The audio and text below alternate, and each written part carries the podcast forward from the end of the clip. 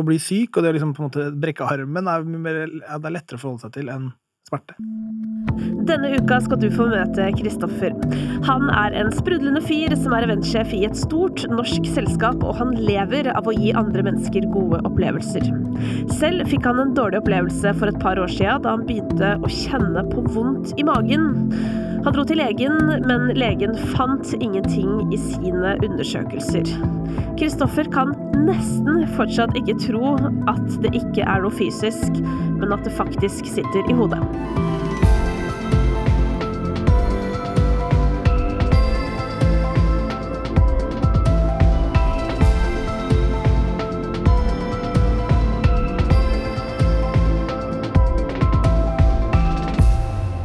Hjertelig velkommen til deg, Kristoffer.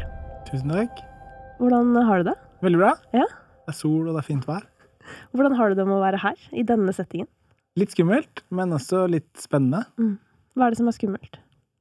Det er det at man føler at man bretter ut alt det man skriver på egne bøker som du kun, kun du ser. Mm. Og nå skal kanskje noen flere få høre det. Men du, før vi fortsetter, så er det kanskje fint for lytterne å få et forhold til hva slags type du er. Hvordan vil du beskrive deg selv?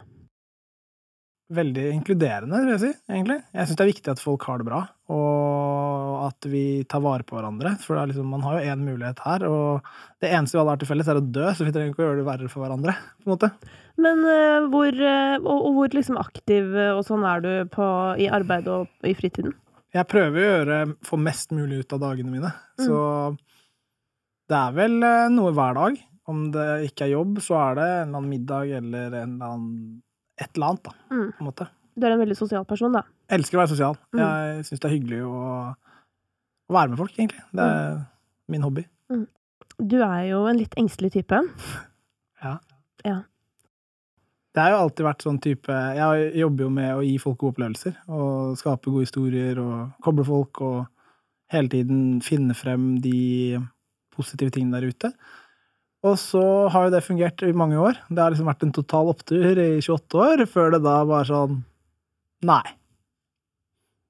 Det første gang jeg type merket det, var at jeg liksom begynte å få vondt i magen. Jeg hadde en stor leveranse, og så var det bare sånn ah, det, kanskje, det har blitt vondt på sida, noen som vet hva det er. Alle bare blindtarmen, blindtarmen. Så var sånn, fett. Dro og sjekka det, var ikke blindtarmen. Og 10 000 legetimer etterpå, så er det fortsatt ingenting gærent med kroppen. Så Så du eh, på en måte jobber Altså, du jobber jo i et stort eh, norsk selskap som eh, ansvarlig for eventer. Så du ordner jo og styrer noe inn i helvete, rett og slett. Ja. Eh, og, og dette gjorde du også på dette tidspunktet, Mm. men du begynte å få vondt i magen.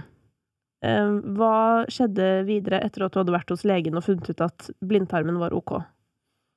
Nei, det var jo da å sjekke mer ting. For jeg er veldig sånn Jeg elsker å ha kontroll. Mm. eh, Og det er jo derfor også på en måte mange av tingene jeg er med på, blir bra. Fordi man liksom, det man kan ha kontroll på, det tar man kontroll på, og så sikrer man at uh, ingenting er etterlatt til tilfeldighetene.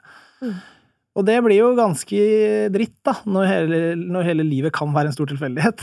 og at eh, man da prøver å ha kontroll på alt. Så finner man ikke ut hva som er galt, og så prøver man å lete seg i hjel. Jeg sliter jo fortsatt med å skjønne at det kanskje ikke er kroppen det er noe gærent med. på en måte. Ja. Noen ganger. Eh, Jeg har bare lyst til å, å forklare til lytterne til hvilken grad du er kontrollfrik. Eh, Da jeg eh, ba deg hit til denne podkasten, så tok det ca. 30 sekunder, og så hadde du sendt meg en møteinnkalling om dette møtet. Ja. Da fikk jeg litt sjokk. Du var adressen. Nei, der nede. Ok, fett. Så fikk du møteinnkalling. Men der jeg liker å liksom type Og det er en av tingene jeg har skjønt med meg, for jeg sier ja til så mye ting. Mm. Og for å klare å balansere det på den positive siden av å være med på alt, eh, så må jeg på en måte slippe litt taket på ting. Mm. Og det som jeg merket den gangen, var at jeg hadde ikke så kontroll på ting at eh, jeg klarte å bare ha det i en bok eller ha det på kalenderen. Så jeg, jeg hadde alt inn i huet mitt, og da ble det for mye inn i huet mitt, og da sa kroppen ifra. Mm. Men nå så har jeg blitt mye flinkere til å bruke liksom type skrive ned ting, ha det i kalendere, ha liksom oversikter og ting og tang hele tiden, og på en måte liksom out of sight, out of mind. Mm. Og så heller ha et bevisst forhold til at eh, du har ett fast sted du går inn og sjekker hva det er du skal gjøre, og så liksom stole blindt på det, da. La oss ta en liten reise tilbake i tid. Ok, du jobber å stå på, du begynner å kjenne på magevondt. Eh, Det er ikke noe gærent med deg fysisk.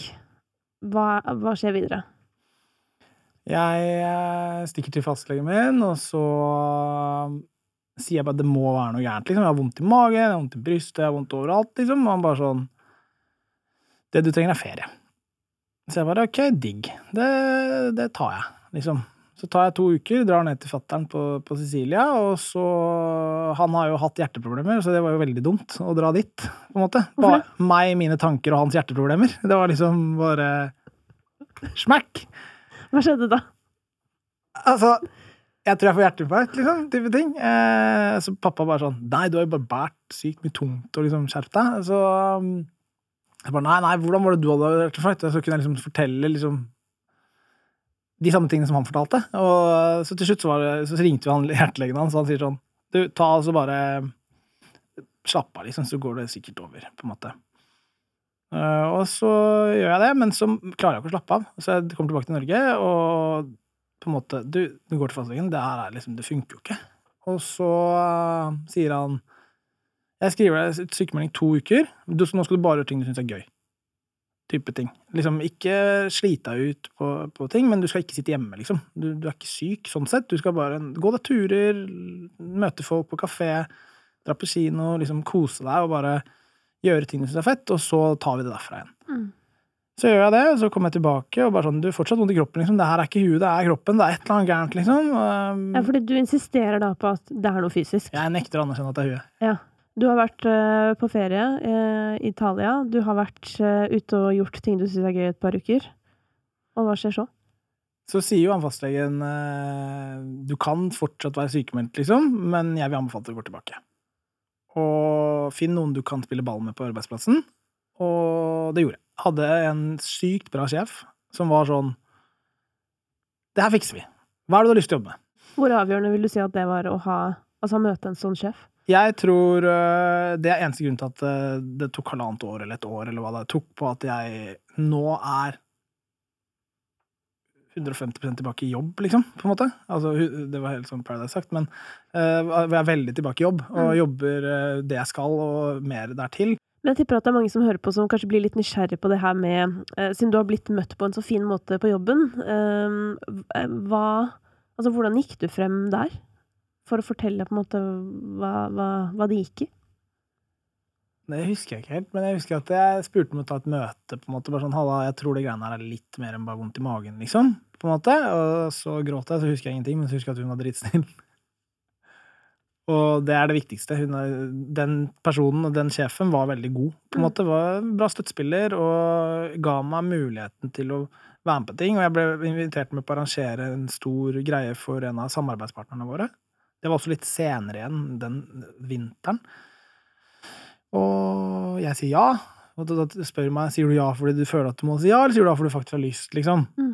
Og det er sånne type spørsmål at hun ber meg tenke gjennom hvorfor jeg sa ja, bare. Ja. Det gjør jo at jeg da får et mer bevisst forhold til at nei, jeg har faktisk lyst. Jeg tror jeg kommer til å klare det. Ja, men det er jo ekstremt woke av den sjefen. Altså, det er jo sånn Det er jo akkurat som hun er ekstremt påkoblet. Var du på noe som helst tidspunkt på en måte redd for at eh, ved at du var åpen om dette, så ville du bli behandla annerledes? Ja, ja, man tenker sånn Nei, nå får du ikke lov til å være med på noen ting lenger. Ja. Alle tenker sånn Nei, han blir redd og sånt. Og det er derfor man også i starten beit det litt i seg. Og på en måte OK, du er dritsvimmel nå, bare før det møtet, bare gå deg en tur og luft huet. Prøv, prøv å finne, fokusere på noe annet. Og jeg husker, jeg husker ikke helt hvem det var, men det var jo den perioden hvor man ble litt sånn søkende for å finne ut av hva er det jeg kan gjøre for å hjelpe meg selv her, liksom. Så ramla jeg innom Noia, husker jeg. Og da tror jeg det var episoden med Bjarte Tjøstheim, hvor Mm. han bare sånn Fokuser Nei, vent, da. Aksepter innover. Ja. Fokuser utover. Ja. Og det bruker jeg hele tida. Det er sånn Ok, det er litt skjør i huet nå, men herregud, har du sett det nye treet i- på Kiellandsplass der nå, eller? Har den hatt den greina sånn hele tida? Så sånn, og så bryter du bare det tankemønsteret i huet, så etter hvert så blir det brutt. Men Kristoffer, du har med deg noen bøker hit i dag. Så jeg har sånn tre bøker som jeg driver skriver. Ja. jeg har den ene, som er liksom kalenderen. Nå drar Eh. du fram en svart bok. Her finner man bursdager, eh, og møter og ting jeg skal gjøre, og hele to do-lista mi. Og der skriver jeg opp liksom alt mulig rart jeg skal gjøre gjennom en uke. Hvor jeg da er flink til å skrive opp ting som jeg også stryker ut i det jeg skriver opp. Bare for at lista skal være med å lure hjernen til å tro at man er sykt effektiv. Oh ja, så du skriver opp ting du faktisk ikke skal gjøre? Nei, ting jeg har gjort, Oh ja. som jeg på en måte hadde egentlig glemt å skrive, som for eksempel eh, Husk å ta med boka til podkasten. Nå Ja. sitter jeg med boka, så, jeg, så jeg har glemt å skrive det. Så skriver jeg det opp nå, og så streker jeg over det, så er det liksom Da har jeg gjort det. Ja, lurt. Mm. Til inspirasjon.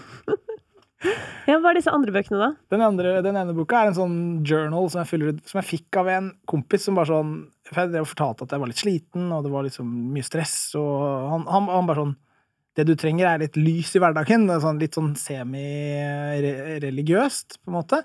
Så tenker jeg sånn Ja, det skader jo ikke å ta en kaffe, liksom. Så tok vi en kaffe, og han drar fram en bok som han gir meg, hvor det er sånn Som er basert på Jeg vet ikke om det får være opp til psykologen, men de sier at det er positiv psykologi, med at man liksom på morgenen skal skrive sånn tre ting man er takknemlig for, tre ting man What would make today great?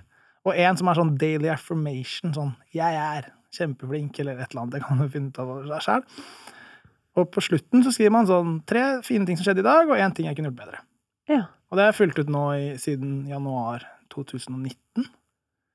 Jøss, men hva hva- Altså, har du opplevd at det gjør noe for eller med deg? Ja, fordi det er veldig gøy å se tilbake på ting. Og så er det veldig digg å eh, skrive ned ting, sånn at man også på en måte Kanskje ting du tar for gitt, da.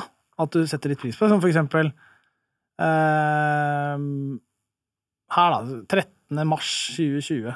Så skal jeg liksom bare sånn Jeg er takknemlig for folka jeg har hatt gleden av, av å møte.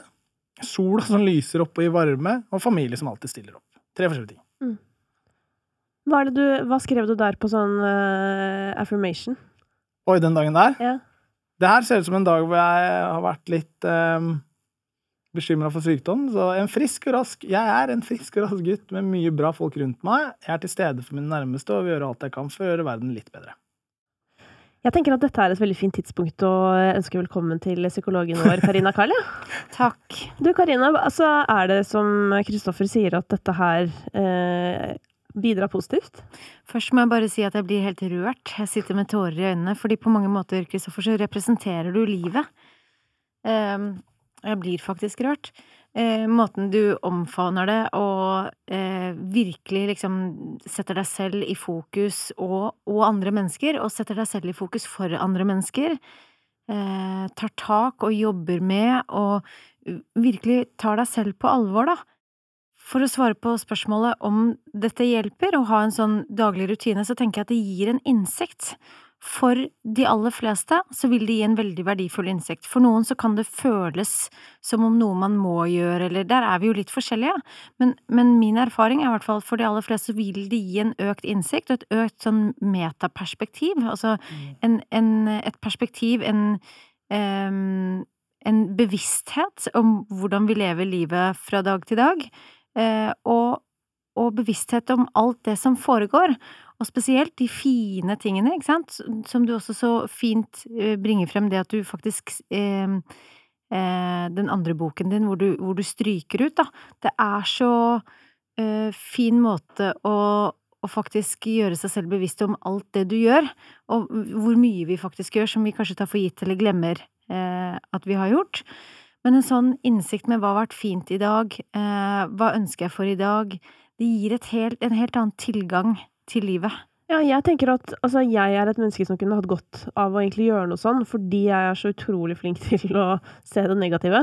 Eh, og at sånn For meg å i det hele tatt skulle på en måte finne noe eh, jeg har gjort som er bra i dag Det er sånn, Jeg hadde sikkert til å begynne med brukt en time på å finne det. Altså, Ja, da hadde jeg liksom sånn sittet så langt inne. Ja.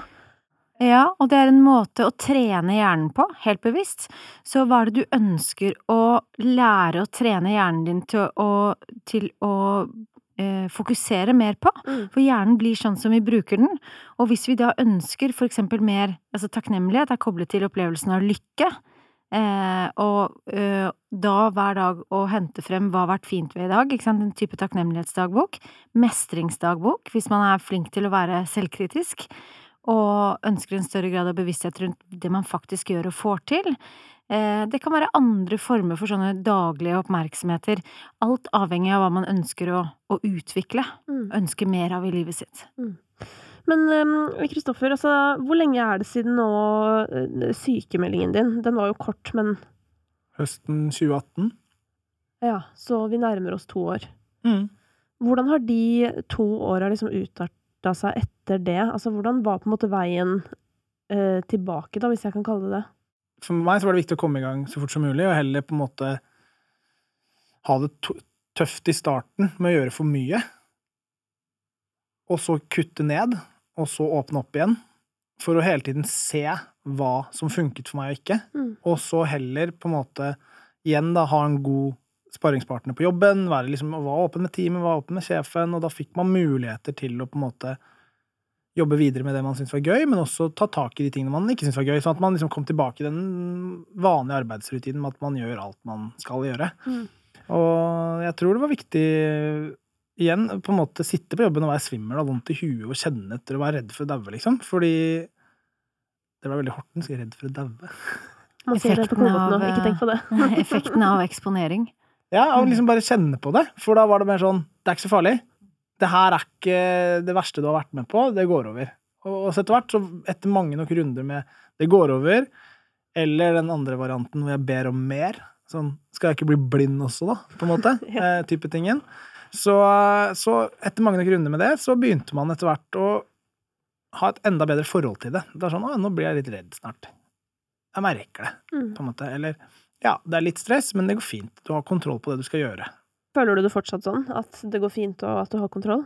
Jeg føler jo absolutt at jeg har kontroll, men jeg føler også at jeg ikke har kontroll på veldig mange av de tingene jeg skulle ønske jeg kunne ha på kontroll på. Som livet generelt, og ting som skjer, og ting og tang, men det er jo liksom en del av det. Og det er derfor jeg syns det er viktig at man liksom tenker på det. Og man blir jo litt sånn quotete når man eh, er angstete. Så På hvilken måte? Nei, at du liksom bare sånn her eh, Du lever to ganger, det andre livet begynner når du innser at du bare er ett, og liksom hele det der greiene der, liksom. Eh, og Du har vært på det kjøret? ja, ja. Quote machine. Ja. Og, men så er det liksom Uansett hvor kleint det er, så er det en sannhet i det. fordi idet du innser at du skal dø, da, så tar du en helt andre valg. Du begynner å liksom, å- Hva er det som er viktig for meg? Hva er det jeg egentlig setter pris på? Hva er det som betyr noe? Det er sånn Ok, du trenger ikke å eh, jage gjennom den tanken eller den ideen. Du har gjort det du kan gjøre, og nå er det opp til den andre å spille den ballen videre. Altså, Man blir mye mer samarbeidsvillig, man blir mye mer åpen for andre mennesker på en helt annen måte enn hva man kanskje ville vært, da. Føler jeg, da. Mm. Ja, men jeg er litt eh, enig i det at eh, det er jo et eller annet med at em, når hvert fall etter at jeg fikk panikkangst, så var det mange av disse eh, klisjéfylte quotesene og ting andre folk sa, som plutselig begynte å gi mening.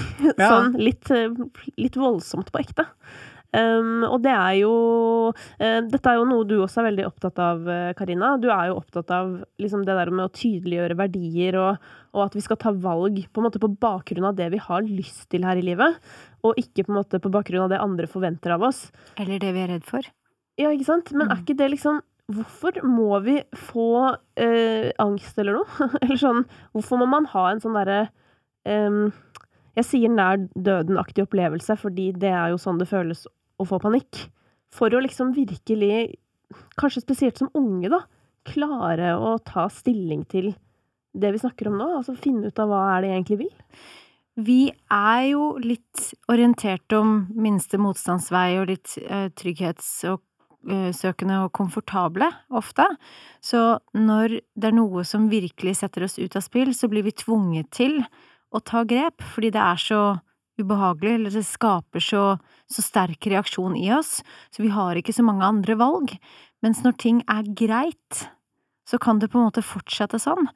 Eh, så jeg tenker at eh, sånne runder, da, runder i ringen, eller kall det hva du vil, sånne opplevelser med angst, depresjon, eh, den såkalte veggen, eh, det kan, det kan skape en form for bevisstgjøring, eh, fordi vi har ikke noe annet valg enn faktisk å ta grep. Mm. Og eh, for mange da, så kan det paradoksalt nok være den største gaven, fordi det er det som gjør at man virkelig, virkelig blir bevisst. Og det er jo en, det er jo en kontrast til det her, fordi at det, i det å være bevisst om døden, som de færreste av oss er i det daglige, og derav også kanskje tar det aller meste i livet for gitt, som for eksempel en ny dag. Men Kristoffer, altså når du eh, kommer hit til Noia-studio med bøkene dine, som ser sånn veldig sånn pliktoppfyllende fylte ut på alle dager, så, så virker det som du har eh, ekstremt kontroll på det du holder på med. Du har en jobb hvor du tilrettelegger for at andre mennesker skal ha det bra. Men hvordan har du det sjøl når du driver og orger og styrer på? Jeg arrangerte for eksempel en eh, Det var jo faktisk januar. etter etter liksom høsten, da. Jeg kaller den der mørke høsten for høsten. Eh, og da var jeg liksom litt, fortsatt litt redd, for det var det største store arrangementet jeg skulle ha ansvar for helt alene. Men man ordner og fikser og ting og tang, og så går man jo bare rundt med hjertet i halsen og vondt i brystet uten at noen ser det, og etter hvert så går det bort. Fordi det er jo ikke ekte, på en måte. Det er jo bare huet ditt som tuller med deg. Du, altså fordi du, du virker jo veldig kontrollert, og du har veldig orden på ting. Hender det at du bare slipper kontroll Nei. Eh, jeg husker en tidligere, en tidligere sjef da, for mange år siden som uh, sa til meg sånn 'Kristoffer, du må alltid gjøre ting som kan stå på trykk i avisa dagen etterpå.' Og vær alltid hyggelig med folk på vei opp, for du vet aldri om du møter på vei ned, og alle de der quotesa der, ikke sant. Og da eh, har jeg liksom tatt med alle disse tinga og bygd opp det, sånn at man blir litt sånn hm, hvis jeg gjør det, så skjer det, da må man passe på det. Så man tenker mye mer konsekvenser og lignende. Så klarer jeg aldri helt å slippe meg løs, sånn sett. Hva hvis du hadde mistet kontrollen, da? Eller hva hvis det gikk galt på et event du arrangerte? Altså, hvor mye, hvor mye hva hvis er det som foregår oppi topplokket? Ja, det er jo Et eksempel på det er jo Jeg skulle se Bohemian Rhapsody med onkelen min. Altså da, filmen? Filmen, ja. ja. Da var jeg livredd helt i starten. her, bare sånn Tenk hvis jeg får hjerteinfarkt her inne nå og ødelegger den filmopplevelsen for alle andre. Jeg har hørt at den filmen her er dritfin. Og da Jeg måtte se den filmen på nytt, for jeg satt jo halvparten av tida og tenkte sånn Hvor er nødutgangen? Hvis jeg må løpe altså sånn, Det var jo tidlig fase, da, stressfase. Mm. Men nå så er det sånn, hvis man får de tankene man kommer tilbake til, så er man mer sånn Ja vel, da skjer det. Det er jo litt stressende å liksom, på en måte innse, eller hva skal jeg si, at man ikke har kontroll på det, men, men det er jo sånn det er. For det jeg tenker på, er jo eh, Du har jo et yrke. Eh, altså, du har et veldig rikt sosialt liv, og også i, i arbeidet ditt, da. Eh, og det å da gå og bære på sånne tanker om at hva hvis jeg ditt og datt, og bla, bla, bla, bla, bla. Veldig mye. Det høres jo litt slitsomt ut. Det kan jo være slitsomt til tider, men også så Det er jo da man er bevisst på tankene, at, man, at det er slitsomt. Men etter hvert så blir man veldig god på å bare sånn Ja vel, da skjer det, da. Og så legger man fra seg tanken. Ja. På en måte Istedenfor å ta den med seg hele tiden uh, og, og, og, gi den enda mer styrke enn den kanskje trenger. Ja. Dette med selektiv oppmerksomhet når vi er i, i uh, følelsens vold, når vi er følelseskapret, og spesielt uh, i, i angsten, så blir vi jo ofte selektivt oppmerksomme på det som kan gå galt. Det er det som skjer. Blir jo fokusert på det. Så i relasjon til det du sa om, eh, om å gå med pose, Kristine, når du får fokus bort fra det, så blir det på en måte utenfor din bevissthet. Men, men effekten av å ha sånne sikkerhetshandlinger gjør jo også at du blir selektivt oppmerksom på det. At det, det opptar mer fokus for deg enn en, eh, Det har jo ingen virkning. Det hjelper ikke for angsten, men du tror det. Ja, det er så sjukt, fordi man vil jo bare passe på seg selv og ikke være til bry for andre. Men hvis, ja, det vil man ikke, men det er utrolig sjelden at det skjer på spotten på den måten.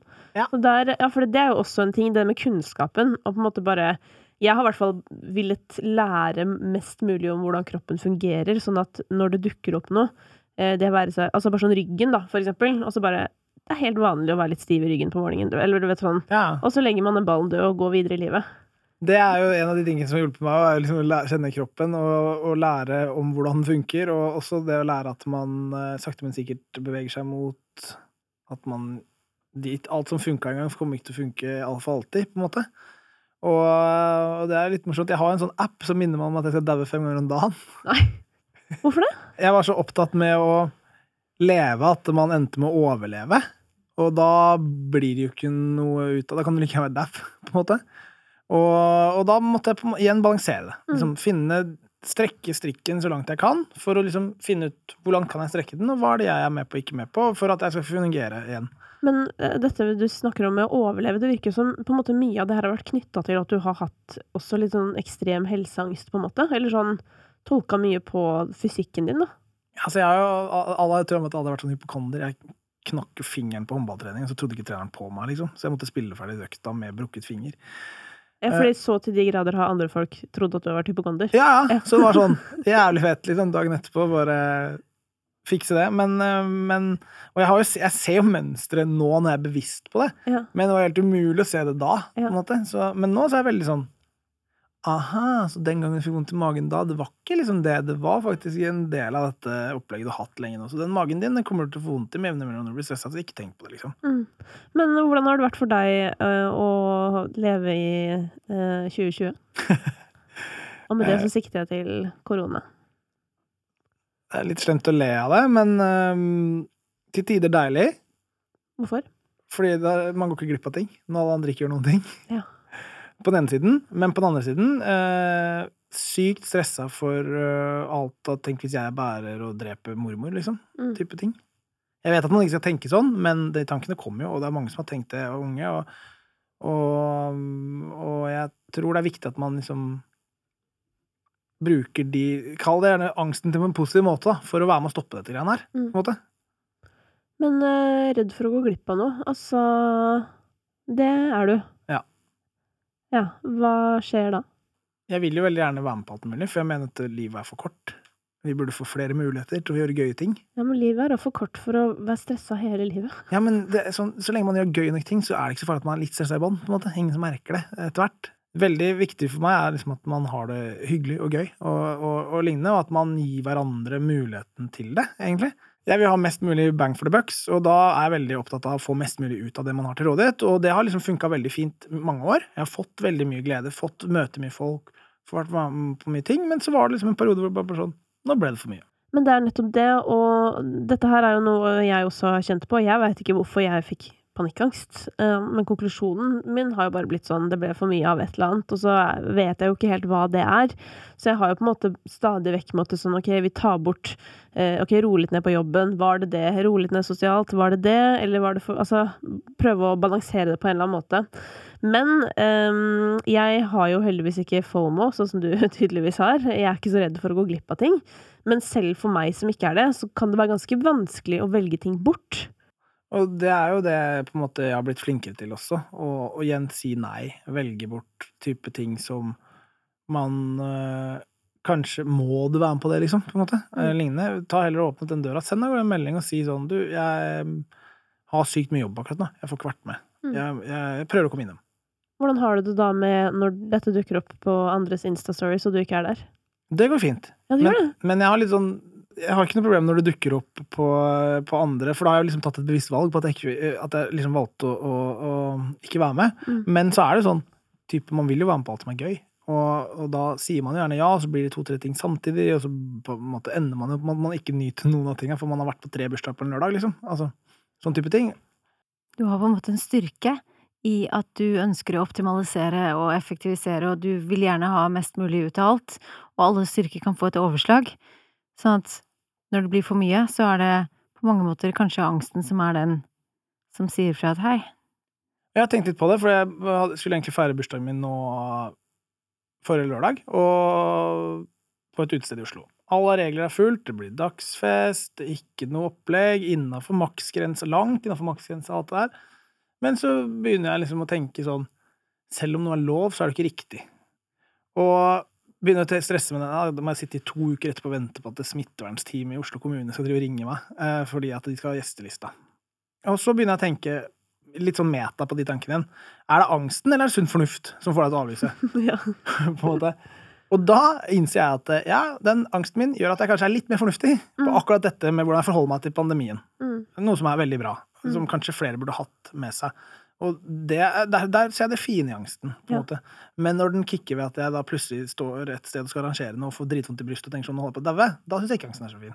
Det er så fint å høre deg fortelle sånn at på en måte så er liksom angsten din venn og hjelper deg med å bli mer fornuftig på en eller annen måte. Og det samme gjelder jo for meg. Jeg hadde jo sikkert gått på veggen 37 ganger siden 2018, på en måte, hvis ikke det hadde vært for at det var noe inni meg som hadde skjønt noe. Sånn nå er det på tide å kanskje si nei til denne tingen, eller Det er jo vår beste venn, på en måte, men òg dritirriterende. Og det er det jeg tror jeg har lært, da, er at eh, hvis du klarer å bruke frykten og angsten til å hjelpe deg med det du skal gjøre, så er det bra. Men hvis du ender opp med at den blir som en vegg, så er det ikke bra. Og da må du finne ut hvordan er det du skal gjøre det. Og da har man forskjellige typer ting. Og jeg har funnet ut for min del er veldig sånn Ingen vet når du får angst. Fake it till you make it. Hold det inni deg. Og er det ekte, så kommer en eller annen til å se det på deg etter hvert, og da får du hjelp. Men øh, øh, vi har vært inne på, på, noe av det positive. Du har jo fått litt hjelp av denne angsten også. Men hvis du skal trekke fram en annen ting som, som har på en måte vært hva skal jeg si, det fineste som har kommet ut av dette, da, tross alt, hva vil du si at det er? Det fineste som har kommet ut av dette, er at jeg har vært eh, mye mer påkobla livet, egentlig. Jeg har ikke vært offline, for det er jo alltid, uansett, hele tiden. Jeg vet ikke hvor mye skjermtid jeg har jeg på den mobilen, men det er veldig mye. Men jeg har vært flinkere til å stikke hjem, besøke mormor, ringe, ta den videosamtalen, nevøen, venner, type ting, da. Og prøve å få mest mulig ut av de møtene man har. Mm. Hva tenkte du om angst før du fikk det selv? Ja, dette var noen trendy greier som gjorde at folk kunne late seg. Og derfor vil jeg ikke late meg, så jeg holder i meg, på en måte. Mm. Ja, for du tenkte det? Jeg tenker jo litt fortsatt. Også, og det er derfor jeg liksom ikke helt anerkjenner at det er huet, da. Og kroppen og tvilen kommer fort, før jeg etter hvert begynner å sånn tenke med frontallappen eller panna altså, Hvordan blir det? For det, ofte så tenker man jo med den primitive hjernen, og da blir man eh, redd for at det er kroppen og lignende, men så begynner man å tenke logisk Hei, du er bare sliten, eller du er bare sånn, og så skjønner man at eh, ja, du er bare litt stressa. Jeg liker ikke å bruke ordet angst veldig godt. Du er bare litt stressa, eller det har blitt mye kjør i det siste, så bare slapp av litt. Den tvilen du har da, med at det kan være kroppen, er veldig kjip, fordi den river ned alt annet logisk du bygger opp. Og da går du rundt og er litt redd hele tiden, istedenfor at du klarer å slå deg til ro med at det huet. Mm. For noen så kan det hjelpe å tenke at når man er i tvil, så er det angsten, og når man er syk, så er man jo ikke i tvil. Nettopp det. Altså, det er jo det digge med å bli syk på ekte, Kristoffer. Altså sånn få en real omgangsuke. Det er jo helt magisk, ikke sant? Lurer ikke på om det er Oi, er det litt i kroppen her nå? Det er bare sånn hele kroppen vrenger seg ned i en bøtte, liksom. Det er helt åpenbart kroppen, og hjernen kan få hvile. Så det er jo Ja, det, det, det tenker jeg er en megagod sånn huskeregel å ta med seg. At hvis du liksom lurer på om det er noe, så er det mest sannsynlig eh, stresset eller angsten som er ute på lusketur. En av grunnene til at jeg også lærte det, var for jeg var eh, på en av disse runddansene mine innom hele Norges eh, helsevesen. Så var jeg også nevrolog, eh, fordi jeg trodde jeg hadde LS en periode. Og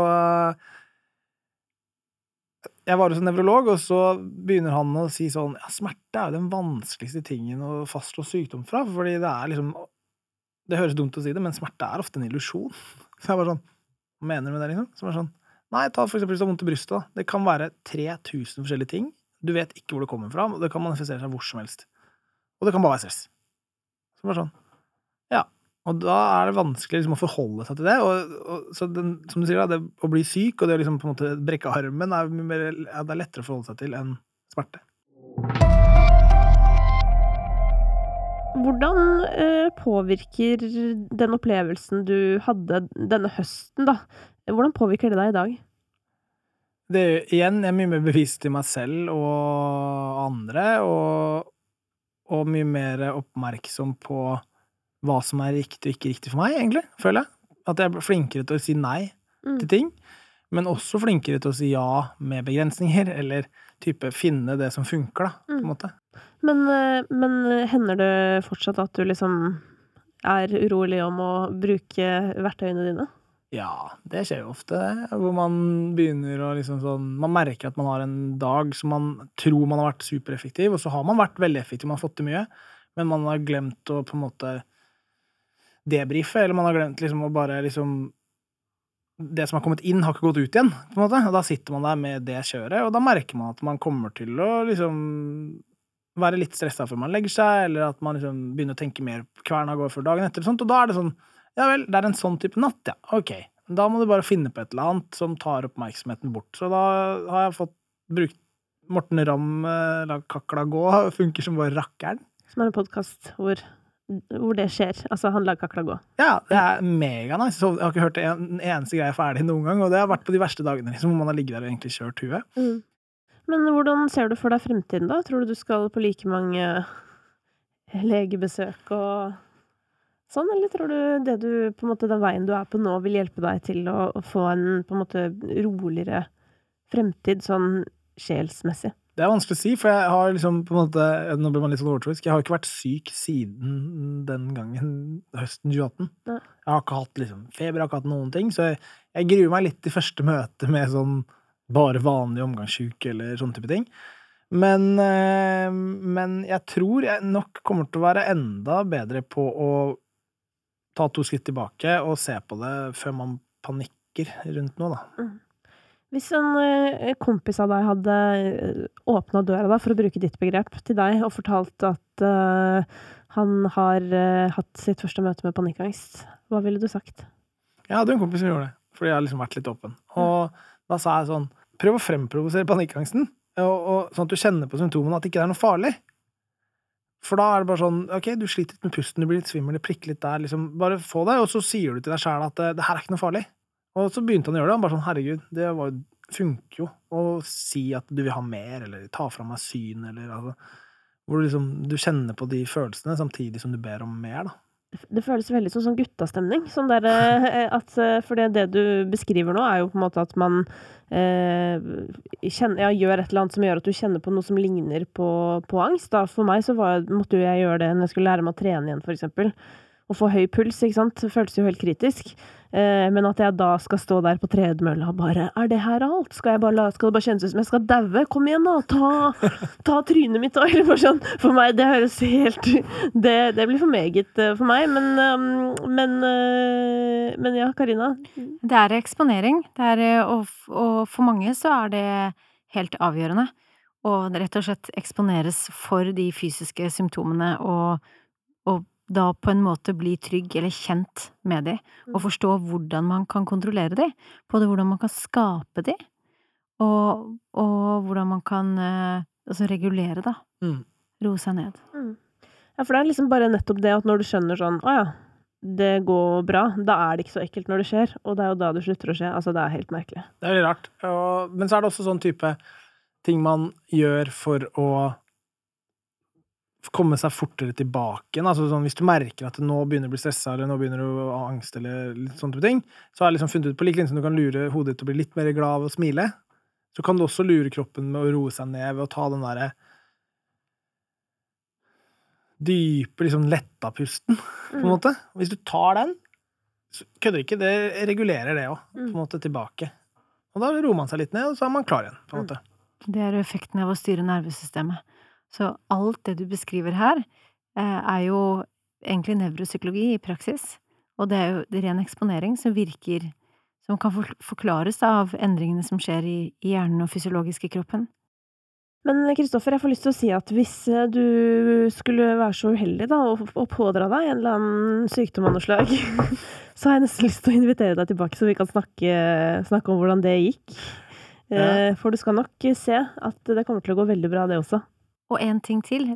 De aller fleste med sykdomsangst sier at når de er syke, så har de ikke angst. Litt sånn jeg vet ikke om det var du som sa det, at jeg skulle ønske jeg kunne knekke armen, så jeg visste at det var det som var gærent. på en måte. Og da vet jeg at det tar så så lang tid. Uh, og, og det er litt sånn, hvis man på en måte er bevisst på hvor stresset kommer fra, da, eller hva er som er årsaken til at du nå begynner å aktivere hele kroppen på søken etter hva som er galt, eller hva som er, så er det lettere å legge fra de tankene enn hvis den kommer fra ingen steder. på en måte. Og Det er, det, det er liksom den der kontrollerte angsten, for da vet du hvor det kommer fra, enn den der angsten som er sånn faen, hva skjedde nå, liksom? Tusen hjertelig takk for at du ville komme hit i dag og dele din historie. Takk for at jeg fikk lov til å komme. Det var veldig, veldig fint, og tilbudet står. Velkommen tilbake når du har kommet deg gjennom et eventuelt møte med fysisk sykdom. For å vise hvor resilient jeg har blitt. Ja. Vi får se. Det er et nytt ord jeg har lært meg. Takk igjen, og takk til deg, Karina Karl.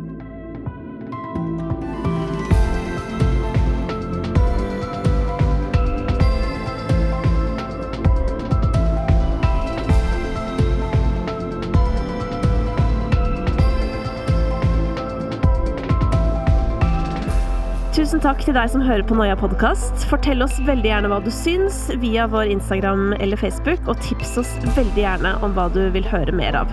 Tusen takk til Stiftelsen Dam og Rådet for psykisk helse som finansierer Noia.